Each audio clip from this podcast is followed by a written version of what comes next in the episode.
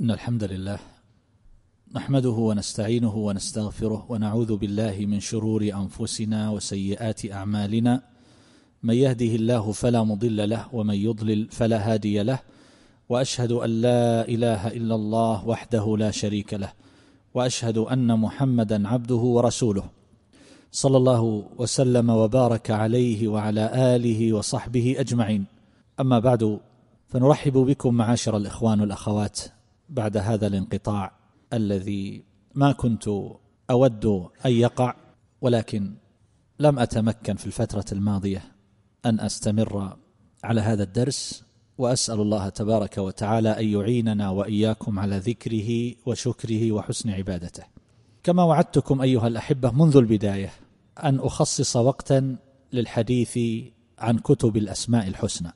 وهذه الكتب أيها الأحبة كثيرة جدا. والحديث عنها لا يكفي فيه مجلس واحد وإنما يحتاج إلى مجالس. ثم رأيت أن أخصص الحديث وأن أقصره على جملة من كتب المعاصرين التي يكثر السؤال عنها. فسأعرف بإذن الله عز وجل في هذا المجلس بما يقرب من خمسة عشر كتابا. ونحن أيها الأحبة حينما نتحدث عن الكتب ونفاضل بينها وربما نذكر ما لها وما عليها. لا يعني ذلك بحال من الأحوال أن يتوجه هذا الحديث إلى مؤلفيها. فالمؤلف قد يكون كتابه مفضولا ولكنه قد يكون أعلم. من مؤلف قد يكون كتابه فاضلا. لأن الإنسان قد يؤلف ولا يتقن التأليف في فن من الفنون فيلج في ذلك مع علمه وفضله وقد يؤلف بطريقة يقصد بها العامة مثلا. ومن ثم فإنه قد لا يحرص على مادة علمية عميقة وقد يؤلف الكتاب على وجه من الإسراع فيتخفف من بعض القيود والأمور التي ينبغي أن تراعى في التأليف مثلا. ولكل وجهة. فنحن نتحدث عن الكتب التي بين أيدينا فحسب. وحينما نفاضل بينها فليس ذلك يعني أن هذه المفاضلة واقعة بين مؤلفيها. لا لا نقصد هذا. ثم إن هذا الحديث سيكون على وجه الإيجاز والاختصار بما يحصل به المقصود. وإلا فأنتم تعلمون أن الدراسة النقدية لكتاب من الكتب تحتاج إلى وقت مطول الكتاب الواحد. فكيف بهذا القدر من المؤلفات في مجلس بين المغرب والعشاء فهو تعريف موجز يجلي لك شيئا من المعرفة والرؤية فيما يتصل بهذه الكتب والمؤلفات. سأبدأ اولا بثلاثة كتب جمعت كلام الإمام ابن القيم رحمه الله ومعلوم أن الحافظ ابن القيم هو من أحسن من تكلم على الأسماء الحسنى بكلام عذب سلس جمع فيه بين العلم وما يتصل بالإيمان مع حسن طريقة في العرض والشرح والكتابة. بين يدي ثلاثة كتب جمعت كلام ابن القيم رحمه الله وهي موجودة ومطبوعة ومنشورة. الكتاب الأول وهو هذا منهج الإمام ابن القيم الجوزية في شرح أسماء الله الحسنى تأليف مشرف ابن علي ابن عبد الله الغامدي هذا الكتاب. يقع في مجلد واحد في خمسمائة وتسعة عشرة صفحة. طبعته دار ابن الجوزي سنة ألف وأربعمائة وستة وعشرين وأصل الكتاب رسالة ماجستير في جامعة أم القرى. هذا الكتاب جعله مؤلفه على قسمين. القسم الأول ذكر فيه قواعد الأسماء الحسنى عند ابن القيم وابن القيم قد اشتهر بهذا وضع قواعد في هذا الباب جيدة لا تكاد توجد في كتاب مجتمعة عند غير ابن القيم رحمه الله. وذكر تحت هذا القسم عشرة فصول فهو يريد فيه كلام ابن القيم بهذه القواعد ويقارنه بكلام غيره من المتكلمين وغيرهم الأشعرية وغيرهم. والقسم الثاني هو عبارة عن تطبيقات على هذه القواعد. التي ذكرها في القسم الأول. يطبق ذلك على الأسماء الحسنى. فيذكر المعنى اللغوي للاسم والمعنى الشرعي والآثار الإيمانية المترتبة على الإيمان بهذا الاسم. وأحيانا قد يناقش بعض المخالفين ويرد عليهم هذا الكتاب لا يقتصر فيه مؤلفه على كلام ابن القيم فقط. نعم هو في جمع كلام ابن القيم ولكنه يذكر ضمن ذلك كلاما لبعض أهل العلم في معنى الاسم وما يتصل بذلك كابن جرير وابن كثير شيخ الإسلام ابن تيمية الشيخ عبد الرحمن بن سعدي وأمثال هؤلاء كابن رجب يورد كلامهم الذي يتعلق بهذا المعنى. فيلتئم من ذلك وحدة موضوعية فتجد الكلام متسقا منتظما ليس فيه نقص في بعض الجوانب. وصار الكتاب مصطبغا بصبغة التأليف على نسق واحد. ويعبر المؤلف من عنده ويربط الكلام بحيث إنك لا تجد فيه خللا أو تفاوتا أو اضطرابا. والكلام مترابط. يذكر المؤلف فيه كلاما له ويذكر ضمن ذلك كلام الحافظ ابن القيم رحمه الله ويورد عبارات لهؤلاء الأئمة في هذا المعنى. أورد فيه ما يقرب من سبعين اسما من أسماء الله الحسنى. وهو حينما يورد هذه الأقوال والنقولات عن ابن القيم يوثقها وينقلها من مصادرها إلا ما ندر فإنه قد ينقل بواسطة. يعني قد ينقل بعض النقولات من كتاب آخر مثل تيسير العزيز الحميد. كلام لابن القيم. فهذا هو الكتاب الأول أيها الأحبة الذي جمع فيه كلام ابن القيم. الكتاب الثاني هو هذا.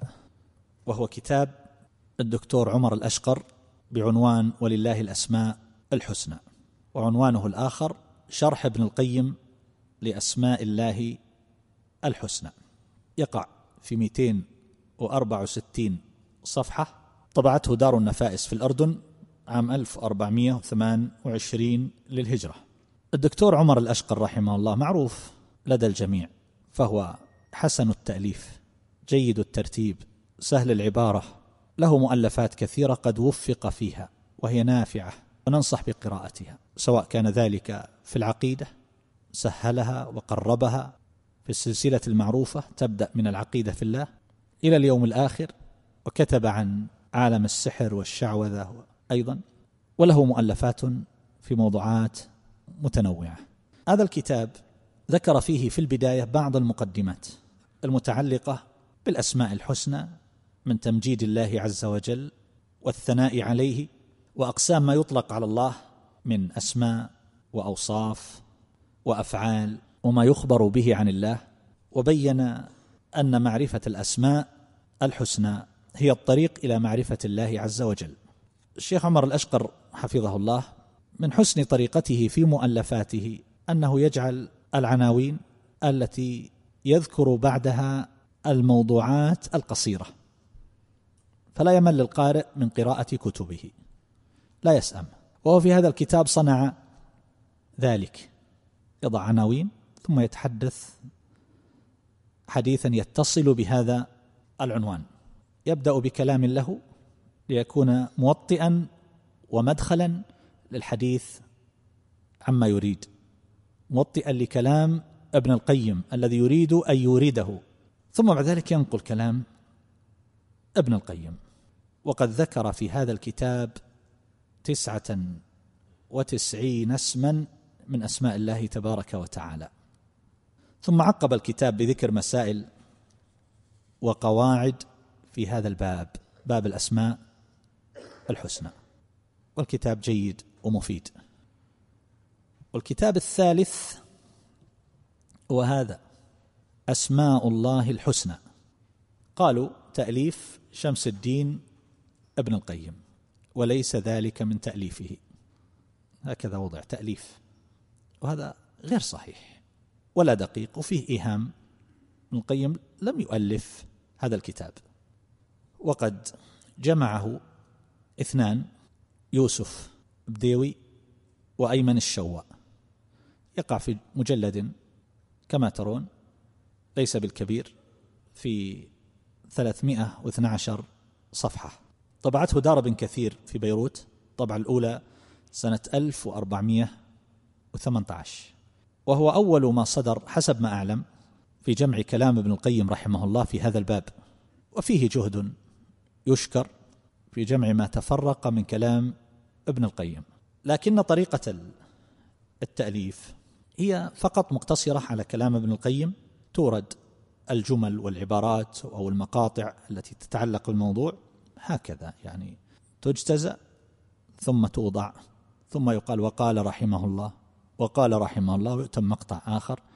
يعني هي الطريقة المعروفة عند الباحثين بطريقة القص واللزق. يعني ليس فيه صنعة في التأليف. يؤتى بكلام ابن القيم ثم يوضع ثم يؤتى بكلام له في الموضوع وقال رحمه الله ويوضع وقال رحمه الله ويوضع إلى آخره.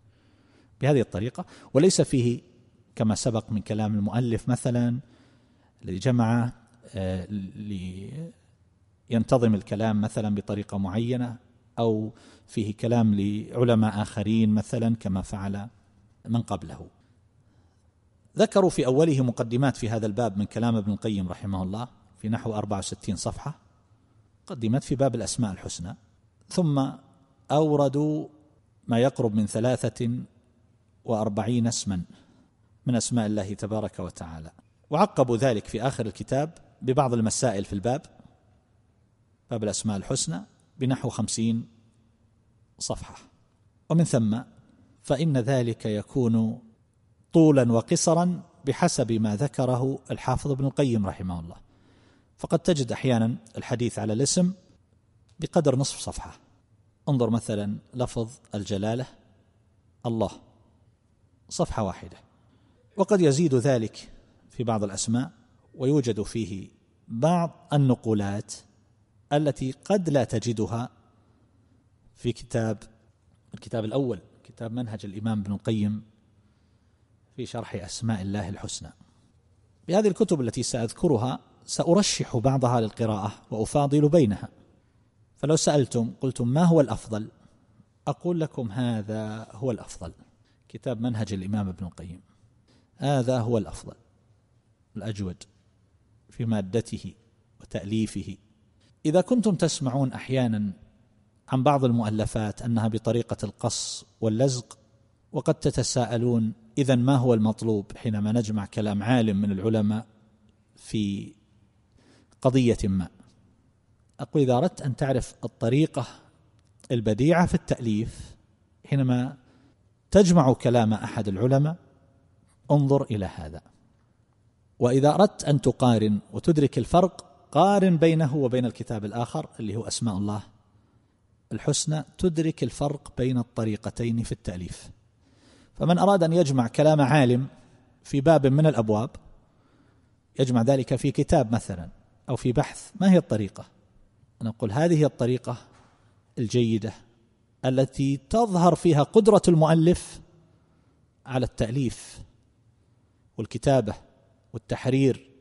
أما هذه الطريقة فلا تظهر فيها قدرة المؤلف اطلاقا. الآن حينما يجمع كلام ابن القيم في التفسير مثلا جمع كلام ابن القيم. صدر إلى الآن فيما أعلم ثلاثة كتب لكن كل هذه الكتب على هذه الطريقة طريقة هذا الكتاب التي يسمونها بالقص واللزق. تجد الكلام. وقال رحمه الله وقال رحمه الله لكن لو ألف في تفسير ابن القيم رحمه الله بهذه الطريقة لكان له شأن آخر. وأخشى أن أسترسل بالحديث عن عيوب الطريقة الأولى وما يفوت بسببها فيكون ذلك على حساب الحديث عن بقية أو عن بعض الكتب. لكن على كل حال أحيانا يسمع طلاب العلم عن كلاما عن بعض طرق التأليف وقد لا يدركون ما ينطوي عليه هذا الكلام. ما هو المراد؟ ما هي الطريقة الصحيحة؟ ما هو المطلوب؟ فأقول هذا مثال. من أراد أن ينظر مثلا في الطريقة الصحيحة والمنهج البديع حينما يقال منهج فلان في كذا بالتعامل مع كذا موقفه من كذا قد يكون القضية قص لزق. وقد تكون بطريقة أخرى بديعة. من أراد أن ينظر مثالا رفيعا في التأليف بهذا الجانب فليقرأ كتاب موقف شيخ الإسلام ابن تيمية رحمه الله من الأشاعرة الشيخ الدكتور عبد الرحمن المحمود حفظه الله. تأليف على مستوى. نموذج راقي في الكتابة في منهج فلان في القضية الفلانية أو موقف فلان في القضية الفلانية. هذه نماذج يمكن أن يحتذيها طالب العلم حينما يؤلف حينما يكتب في رسالة ماجستير أو دكتوراه. إذا الكتاب الأفضل هو هذا الكتاب منهج الإمام ابن القيم بشرح أسماء الله الحسنى. ويليه كتاب الدكتور عمر الأشقر.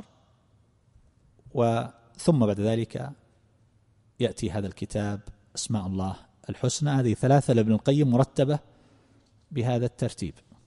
لأن الكتب كثيرة أحيانا الإنسان يريد أن يقتصر على الأفضل وما يمكن أن يستغنى به عن غيره. هذا ما يتصل بجمع كلام ابن القيم. فتم الحديث عن ثلاثة كتب. ننتقل إلى الحديث عن بقية كتب الأسماء الحسنى فالكتاب الرابع هو كتاب المنهاج الأسنى شرح أسماء الله الحسنى. المنهاج الأسنى شرح أسماء الله الحسنى. يقع في مجلدين للدكتور زين محمد شحاتة وقدم له الدكتور عبد الرحمن بن صالح المحمود. هذا المجلد الأول الكتاب في مجلدين. هذا الكتاب صدر قبل سنوات يقع في 822 صفحة وقد اشتريته في مدة ليست بالبعيدة من صدوره. وكانت الطبعة التي اشتريتها هي العاشرة عام 1422 الكتاب طبع كثيرا في مدة وجيزة ومنهج المؤلف في هذا الكتاب تحدث فيه عن مئة وثلاثة من الأسماء الحسنى. بدأ الكتاب بمقدمات في حدود ستين صفحة مقدمات عن الأسماء الحسنى. وحينما يتحدث عن الاسم من الأسماء الحسنى لا يذكر عناوين مثلا المعنى اللغوي المعنى في حق الله عز وجل مثلا أو المعنى الشرعي ثم بعد ذلك يتحدث مثلا عن الآثار أو العناوين كما نذكر لكم مثلا عناوين الفروقات الكذا. لا هو يدخل في الموضوع يبدأ يتحدث يتحدث عن المعنى اللغوي ثم يعقب ذلك الحديث عن المعنى في حق الله عز وجل من غير عناوين. ينتقل من قضية إلى قضية من غير أن يفرد ذلك تحت عنوان خاص. ثم بعد ذلك يبدأ يتحدث عن الآثار. قد يغفل الكلام على بعض الجزئيات. يعني مثلا هو يتحدث عن هل هذا الاسم مختص بالله عز وجل أو لا. ما لهذا الاسم من خصائص. وأحيانا لا يتطرق لبعض هذه القضايا. لكنه لا يدع الحديث عن آثار الإيمان بهذا الاسم الكريم. فهو حينما يتحدث يسهب في هذه القضية. حينما تكلم مثلا على تفسير اسم الله تبارك وتعالى لفظ الجلالة الله تحدث عن دلائل وجود الله وهذا قد لا يكون له حاجة فإن هذا مدرك بالفطر ولا يخفى أيضا على العقول ويورد نقولات في ذلك عن الأئمة وغيرهم من علماء الغرب ويورد أيضا أشياء من الشعر.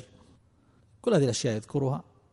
الكتاب أو المؤلف استفاد بصورة واضحة من المادة العلمية في الكتاب الآخر ليس أتحدث عنه الآن وهو النهج الأسماء في شرح أسماء الله الحسنى لمحمد الحمود. بل حتى العنوان متقارب. سأتحدث عنه. بعد قليل إن شاء الله.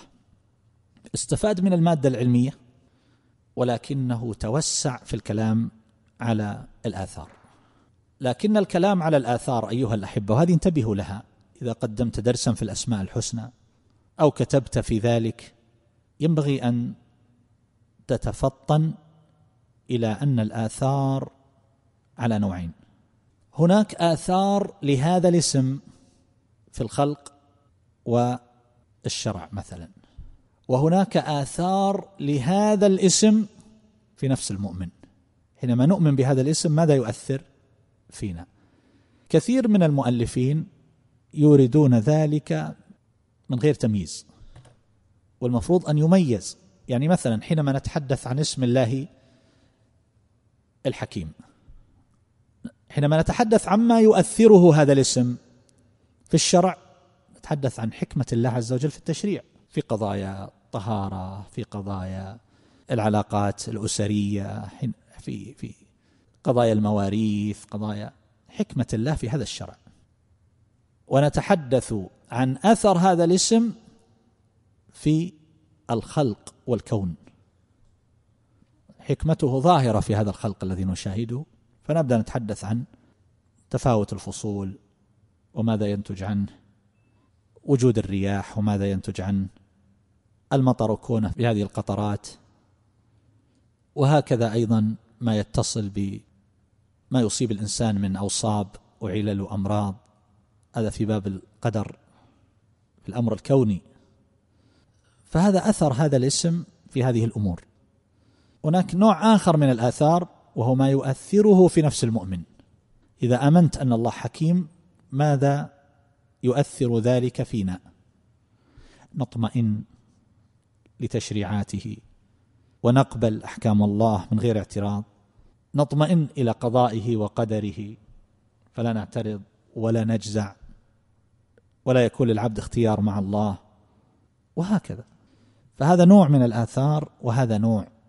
كثير من يكتبون يخلطون يقولون آثار الإيمان بهذا الاسم. وتجد أن بعضها هي ما يؤثره هذا الاسم في الخلق أو الشرع. وليس في نفس المؤمن. وأظن واضح الفرق الآن بين الأمرين. فتنبهوا لهذا. لا بد من تمييز هذا من هذا. على كل حال المؤلف يطيل في الكلام على هذه الآثار وتجد فيه ما لا تجده في غيره من النماذج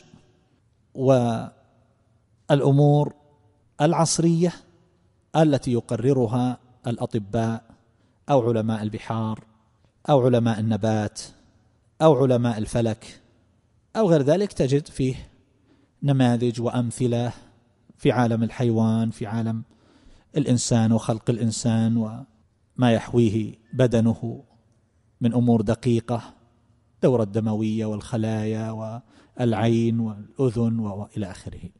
تجد فيها أشياء لا تكاد توجد بهذه الصورة مجتمعة في كتاب آخر من كتب الأسماء الحسنى. وبهذا الاعتبار يكون الكتاب قد جمع بين مزيتين المادة العلمية فيه مادة علمية جيدة وقد استفاد كثيرا كما قلت من هذا الكتاب الآخر النهج الأسمى هذاك اسمه المنهاج الأسنى وهذا النهج الأسمى استفاد من المادة العلمية لكنه أفاض في الكلام على الآثار. فهذه مزية في الكتاب. فمن أراد أن يعنى بهذه الأشياء فعليه بهذا الكتاب. الكتب اللي تكلمت على الجوانب العلمية كثيرة لكن بعض الأخوان يقولون نريد أشياء تتعلق بالخلق والكون نربطها بالأسماء الحسنى. يقول لك هذا الكتاب. هناك كتب تطرقت لهذه الأشياء لكن ليس بالقدر نفسه. وإلا حتى ابن القيم في كلامه حينما يتحدث في كتبه يذكر الأذن والعين والأهداب والدموع الجفن يتكلم عن أشياء دقيقة. أنف الإنسان يتحدث عن هذا ابن القيم. لكن ككتاب في الأسماء الحسنى يجمع هذه الأشياء بصورة فيها توسع. لا أعلم كتابا مثل هذا. الكتاب الذي بعده هو الخامس وهذا الكتاب النهج الأسمى في شرح أسماء الله الحسنى. تأليف محمد الحمود يقع في ثلاثة مجلدات. طبع في مجلدين أولا ثم ألحق به مجلدا ثالثا صغيرا. أضاف فيه بعض الأسماء. في البداية ذكر في المجلدين الأولين نحو مئة اسم وفي المجلد الثالث زاد سبعة عشر اسما. طبعته مكتبة الإمام الذهبي بالكويت. طريقته في الكتابة والتأليف. يبدأ بذكر بعض المقدمات في الأسماء الحسنى. ذكر ما يقرب من ستين صفحة في هذه القضايا. ويذكر أصل معنى الاسم يضع عناوين. أصل معنى الاسم والمادة التي اشتق منها. ينقل عن كتب اللغة والغريب وكتب أخرى في الأسماء الحسنى متقدمة. وينقل عن ابن القيم وغيره ويذكر الآثار ولكن ليس له طريقة مضطردة في ذكر المعلومات أو الآثار. لكن ما ذكرته في كتاب الدكتور زين من أنه لا يذكر عناوين وإنما يورد المعلومات متتابعة من غير أن يفصل بينها هنا لا. يذكر المعنى اللغوي المعنى في حق الله عز وجل آثار الإيمان بهذا الاسم فهذه مزية.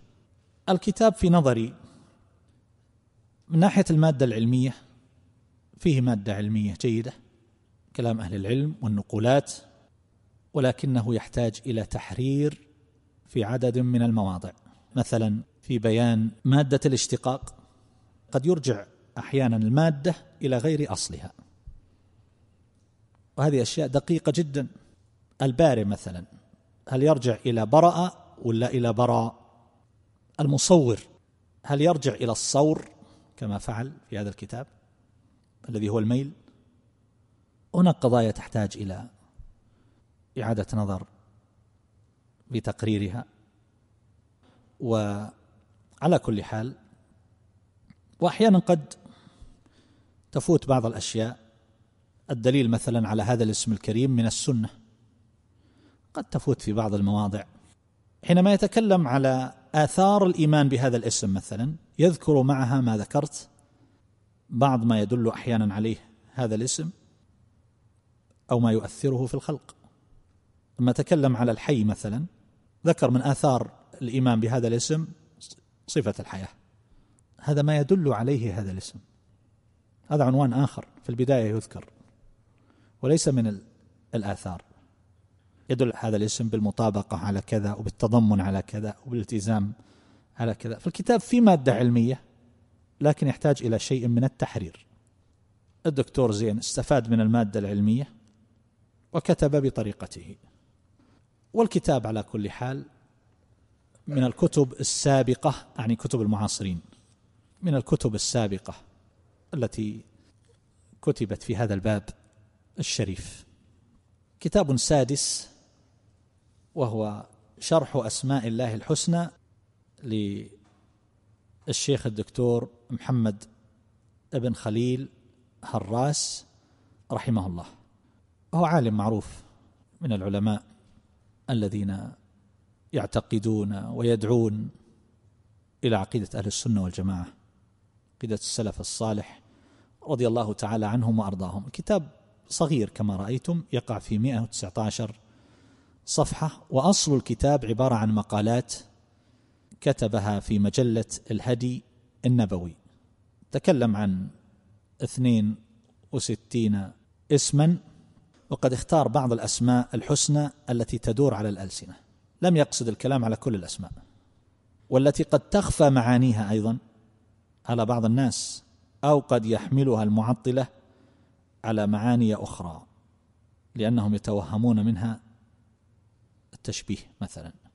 طريقته يذكر اشتقاق هذا الاسم ومعناه ويورد الردود على المتكلمين والصوفية وهو في هذا لا يطيل وإنما يذكر كلاما موجزا لما ذكرت من أنه مقالات كتبها رحمه الله في أوقات مختلفة.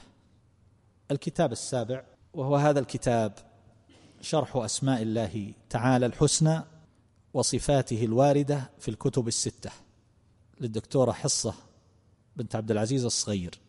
هذا الكتاب يقع في مجلد واحد بثلاثمائة وخمسين صفحة طبعته دار القاسم سنة 1420 أصل الكتاب هو جزء من رسالتها الدكتوراه واسم الرسالة في الدكتوراه إفراد أسماء الله تعالى وصفاته.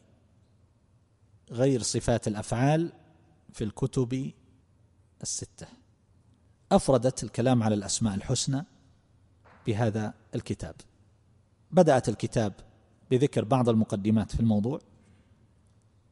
حينما تتحدث عن الاسم تذكر عناوين المعنى اللغوي المعنى الشرعي وروده في القرآن وهكذا. وتورد كلام أهل العلم.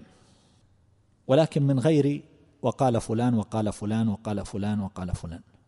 تورد الكلام كأنه من كلامها من غير أقواس. وإذا كان عند نهايته وضعت في الهامش أن هذا من كلام فلان أو من الكتاب الفلاني. وهذه طريقة في الكتابة قد تكون مريحة بالنسبة للقارئ فقد يمل إذا كان يقرأ في كتب مثل هذه في قضايا إيمانية ونحو ذلك قال فلان وقال فلان وقال فلان. وعلى كل حال ختمت الكتاب في الكلام على معاني صفات الله الواردة في الكتب الستة. هذا الكتاب حوى ما يقرب من مئة واثنين من أسماء الله الحسنى المفردة. ومن المضافة والمذوات يعني ذو كذا مثلا ذو الجلال والإكرام. أو بالإضافة عشرة أسماء وذكرت مما لا يثبت في نظرها ثمانية وأربعين اسما. الكتاب على كل حال مفيد و لكن المعلومات التي فيه في عامتها موجودة في كتب الأسماء الحسنى. الأخرى. وعلى كل حال حينما يريد الإنسان أن ينقل كلام العلماء الذين لكلامهم وقع في هذا الباب سيجد أنه الجميع يرجعون إلى جملة من أهل العلم فالكلام من الطبيعي أن يتكرر. لكن أقصد لو أن أحدا قال مثلا هذا الكتاب عندي كتب الأسماء الحسنى التي ذكرت والتي لم هل إذا فقدت هذا الكتاب سيفوتني؟ أشياء مهمة مثلا أو كذا. في نظري لا. لكن لو قال قائل أنا اقتنيت هذا الكتاب أو أشتري هذا الكتاب أو نحو ذلك هل أستفيد منه؟ جواب نعم. كتاب مفيد. في مادة علمية مفيدة. الكتاب الآخر هو كتاب في الصفات لكن لا بأس أن أشير إليه وهو صفات الله الواردة في الكتاب والسنة للشيخ علوي بن عبد القادر السقاف. يقع في 306 صفحات. طبع دار الهجرة سنة 1414 للهجرة. هذا في الصفات فقط. يعني هو أشبه ما يكون بقاموس للصفات. تريد تتعرف على صفة مرتب على الحروف الهجائية بكلام مختصر جدا. يورد الصفة ثم يورد الدليل عليها من الكتاب ثم من السنة إن وجد. ثم يذكر معنى الصفة. تكلم على الصفة مادة اشتقاق من غير تطويل.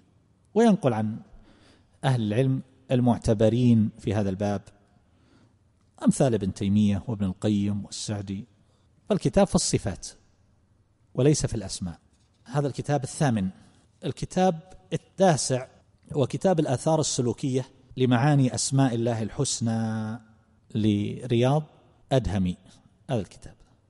كتاب ليس بالكبير يقع في 160 صفحة طبع المكتب الإسلامي. هذا الكتاب يختلف في طريقته عن بقية الكتب التي عرضتها آنفا. فهو لا يعنى بذكر المعنى اللغوي وأصل المادة والاشتقاق ولا يعنى بالتعريفات ولا يضع عناوين إنما يتكلم عن الاسم من حيث دلالاته وعظمته. وجلاله. الحدث عن قضايا إيمانية بكلام ليس بالطويل. ويعنى بهذا الجانب فقط. فتجد الكلام في صفحة في صفحة ربع في صفحة ونص عن كل اسم. تكلم بكلام إيماني. ولا يعنى بنقولات. قال فلان وقال فلان. الكتاب العاشر وهو كتاب بعنوان ولله الأسماء. الحسنى للدكتور يوسف المرعشلي يقع في مجلد في 416 صفحة طبعته دار المعرفة ببيروت. ذكر في هذا الكتاب تسعة وتسعين اسما من أسماء الله عز وجل. يذكر معنى هذا الاسم مادة اشتقاقه ينقل عن الفقهاء وغيرهم في معنى الاسم وما يتعلق به. مصادره متنوعة. ويستطرد في بعض القضايا. مثلا حينما تكلم عن مفهوم الإيمان بالله استطرد وأطال. حينما تكلم عن لا إله إلا الله أطال في ذلك. طريقته لا يورد كل اسم على حدة ابتداء ولكنه يورد الأسماء على طريقة المجموعات. يعني كل أسماء في نظره ترتبط بمعنى متحد يريدها معا ويتكلم عن كل اسم فيها على حدة. فمثلا يقول أسماء الله الحسنى التي تدخل في باب علاقة المكلفين بخالقهم. هذا عنوان. ثم يورد من الأسماء الملك والهادي والحكم والعدل والمقسط والحميد والشكور والتواب والغفور والغفار والعفو والحليم والصبور والمنتقم. بصرف النظر عن هذه الأسماء هل كل هذه الأسماء ثابتة أو لا؟ لكن أنا أوضح طريقته. ثم يشرحها واحدا واحدا. حينما ينقل عن الغزالي مثلا أعني أبا حامد يقول قال الإمام حجة الإسلام وفيلسوفه ويعطيه من الألقاب الكثيرة المتتابعة. قد تجد فيه بعض التأويلات مثلا الرحمة أولها بالإنعام. وهذه خلاف عقيدة أهل السنة والجماعة. حينما ينقل كلام أحد من العلماء يطيل في ذكر الأوصاف. ليس فقط في الغزالي فيلسوف الإسلام إلى آخره لا. يقول قال الإمام أبو إسحاق إبراهيم بن السري الزجاج المتوفى سنة كذا وكذا رحمه الله تعالى في كتابه تفسير أسماء الله الحسنى. يعني لاحظ طريقة الدكتوره حصة قلنا بأن تقطيع الكلام بقال فلان قال فلان قد في الموضوعات الإيمانية بعض الناس قد لا يستسيغه. هنا يطيل قبل ذكر الاسم بسطر تقريبا حتى تاريخ الوفاة يذكره. وقال حجة الإسلام الإمام أبو حامد محمد ابن محمد ابن محمد الغزالي الشافعي المتوفى سنة 505 هجرية رحمه الله في كتابه المقصد الأسنى في شرح أسماء الله الحسنى. هذه طريقته إذا أورد كلاما لأحد من أهل العلم. بعض الأسماء التي ذكرها ليست من أسماء الله لا تثبت. عد مثلا المحيي من أسماء الله واطال في الكلام على التقدم التكنولوجي تكلم على قضية الإسلام والعلمانية واستطرد فيها.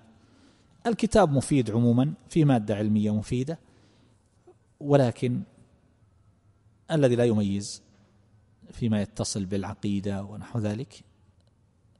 يعني يمكن أن يقرأ في مثل هذا الكتاب طالب العلم المتخصص. لا ننصح به عامة القراء.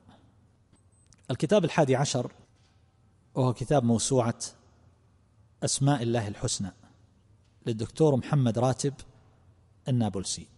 في ثلاث مجلدات كبار كما ترون هذا الأول منها وهي بهذا الحجم إن لم تكن أكبر.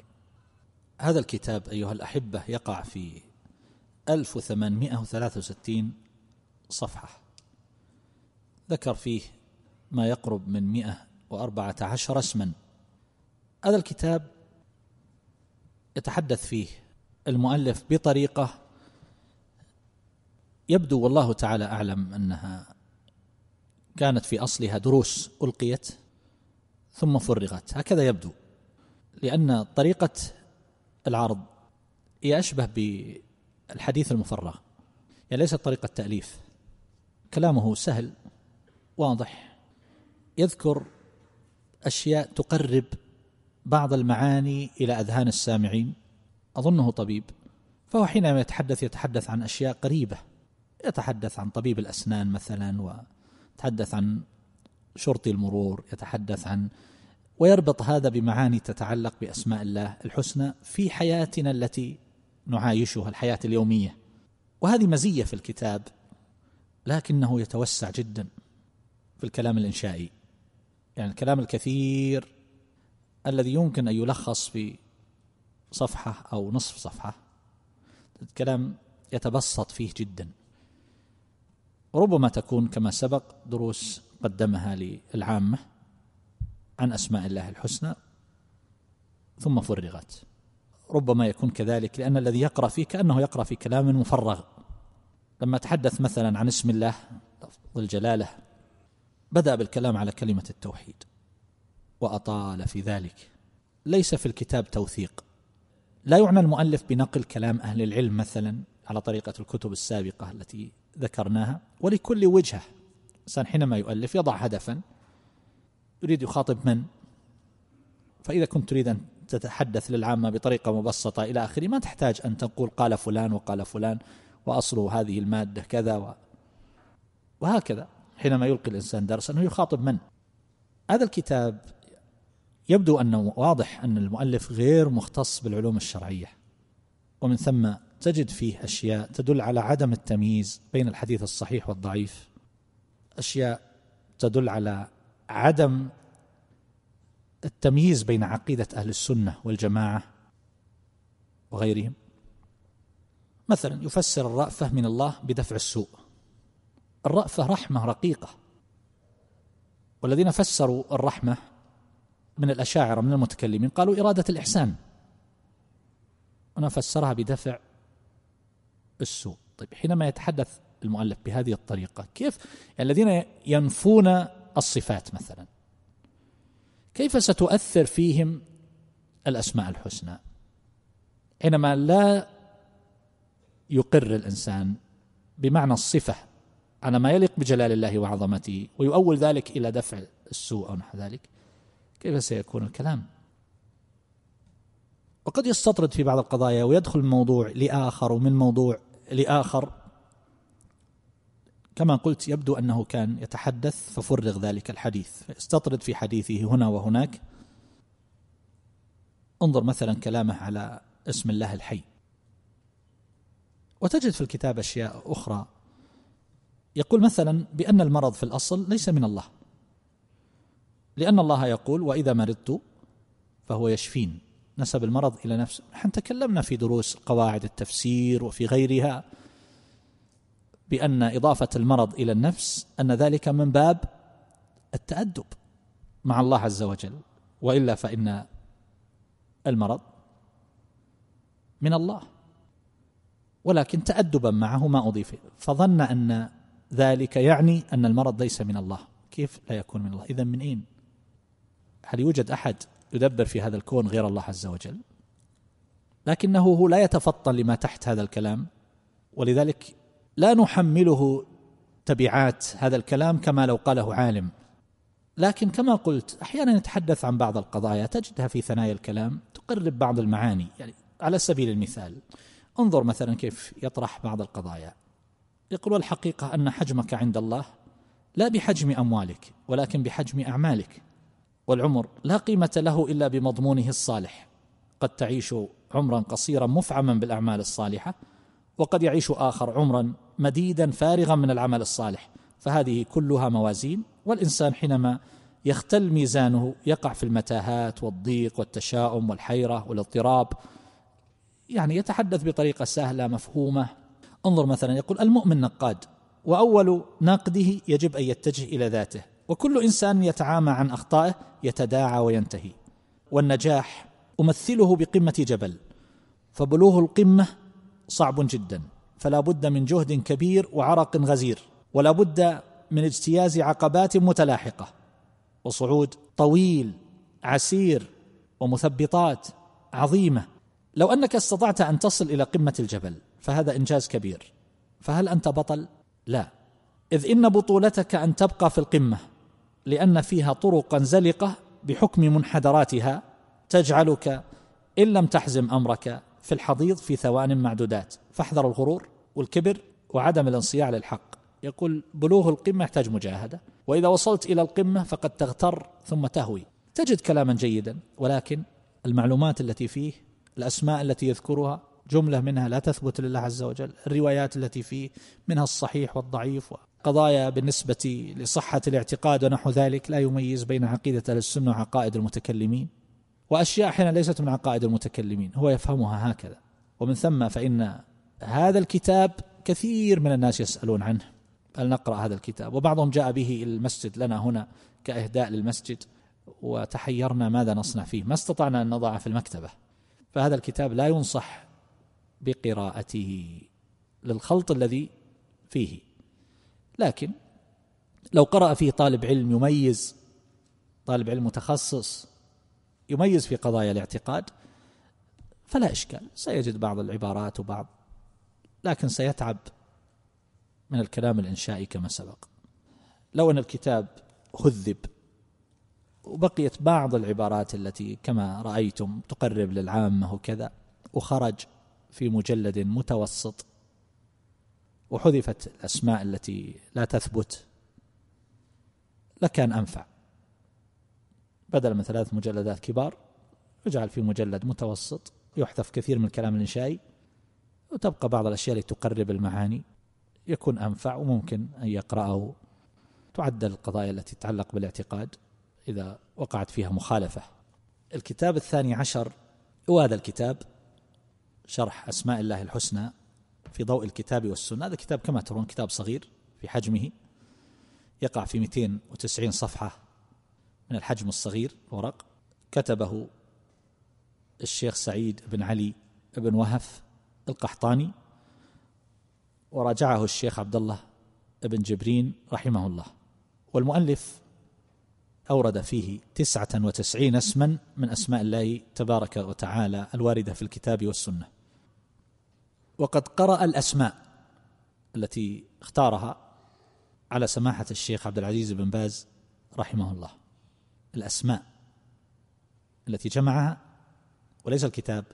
طريقته يتكلم على الأسماء باختصار ولا يعنى بالنقولات وإنما يتكلم بكلام واضح مفهوم سهل لم يضع الكتاب على طريقة تأليف أكاديمية مثلا وإنما كتبه بطريقة قريبة إلى الأفهام والأذهان. بكلام مختصر. لا يطول الكلام على الاسم الواحد. لكن كثيرا من عباراته كثيرا من كلامه وليس من كلامه وإنما من كلام غيره. يعني تجد الكلام مثلا أحيانا لابن القيم. الكلام للشيخ عبد الرحمن بن سعدي. الكلام لابن كثير مثلا. دون إشارة. لكن نحن كيف نعرف هذا مثلا؟ في المقارنة حينما نقرأ بهذه الكتب متسلسلة فهذا الكلام الذي مر بنا للشيخ عبد الرحمن بن سعدي نجده هنا من غير إحالة. الكلام الذي مر بنا من كلام ابن القيم نجده كثيرا مثلا من غير إحالة. ولا بد أن المؤلف قصد هذا. وقد يحيل في مواضع يسيرة لكنه في كثير من الأحيان لا يحيل. قد يكون قصد هذا كما قلت لأنه يرى أن هذه الطريقة لا إشكال فيها مثلا. أنه يؤلف تأليفا مختصرا لا يريد أن يضعه بطريقة. على كل حال فمن الناس من يترخص. أقصد في الإحالة. حينما تورد كلاما ليس لك ثم بعد ذلك لا تحيله لا تقول هذا كلام فلان أو انظر كذا. فمن الناس من يترخص في هذا. وعلى كل حال يبقى الكتاب مفيد نافع مختصر واضح سهل.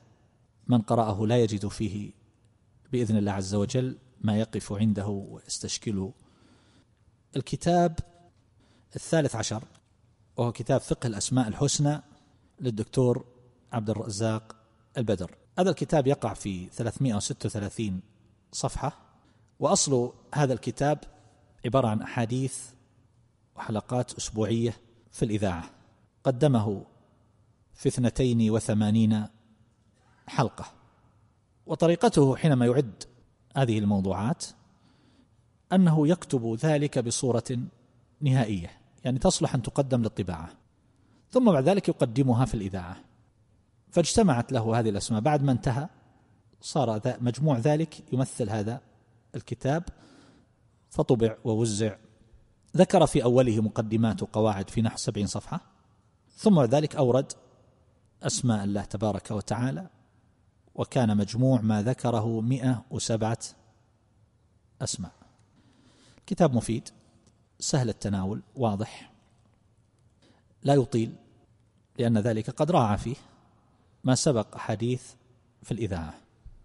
لكنه أوسع قليلا من كتاب الشيخ محمد بن سعيد بن وهف القحطاني.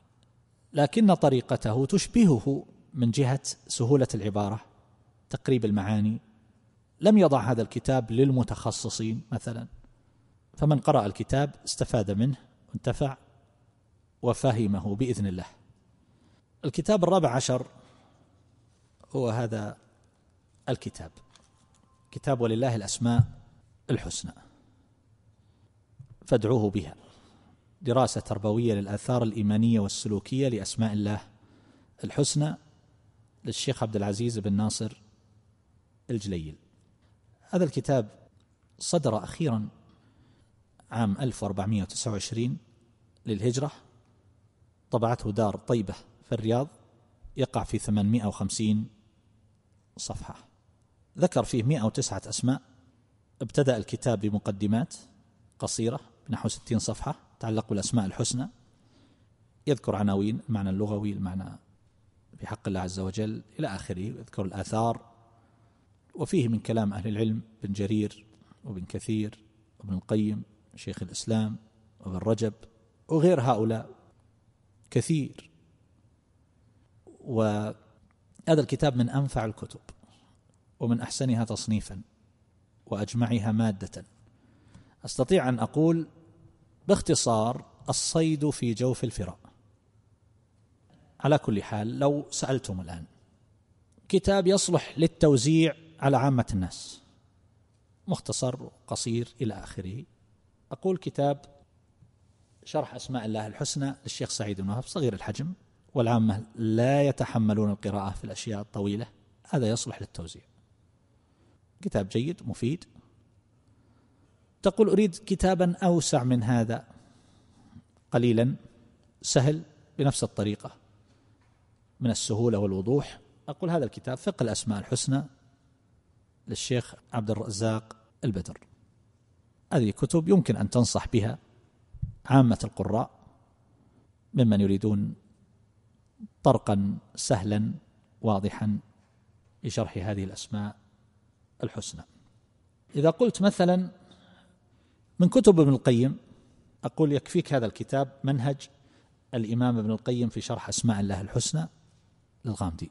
إذا قلت كتاب النهج الأسمى أو المنهاج الأسنى. أقول لك المنهاج الأسنى للدكتور شحاتة. لو قلت أريد كتابا يعتبر من المراجع العلمية الجامعة في هذا الباب الذي أستغني به عن غيره أقول لك هذا الكتاب ولله الأسماء الحسنى. قد قرأ المؤلف على فضيلة الشيخ عبد الرحمن البراك حفظه الله كاملا. كتاب جيد نافع.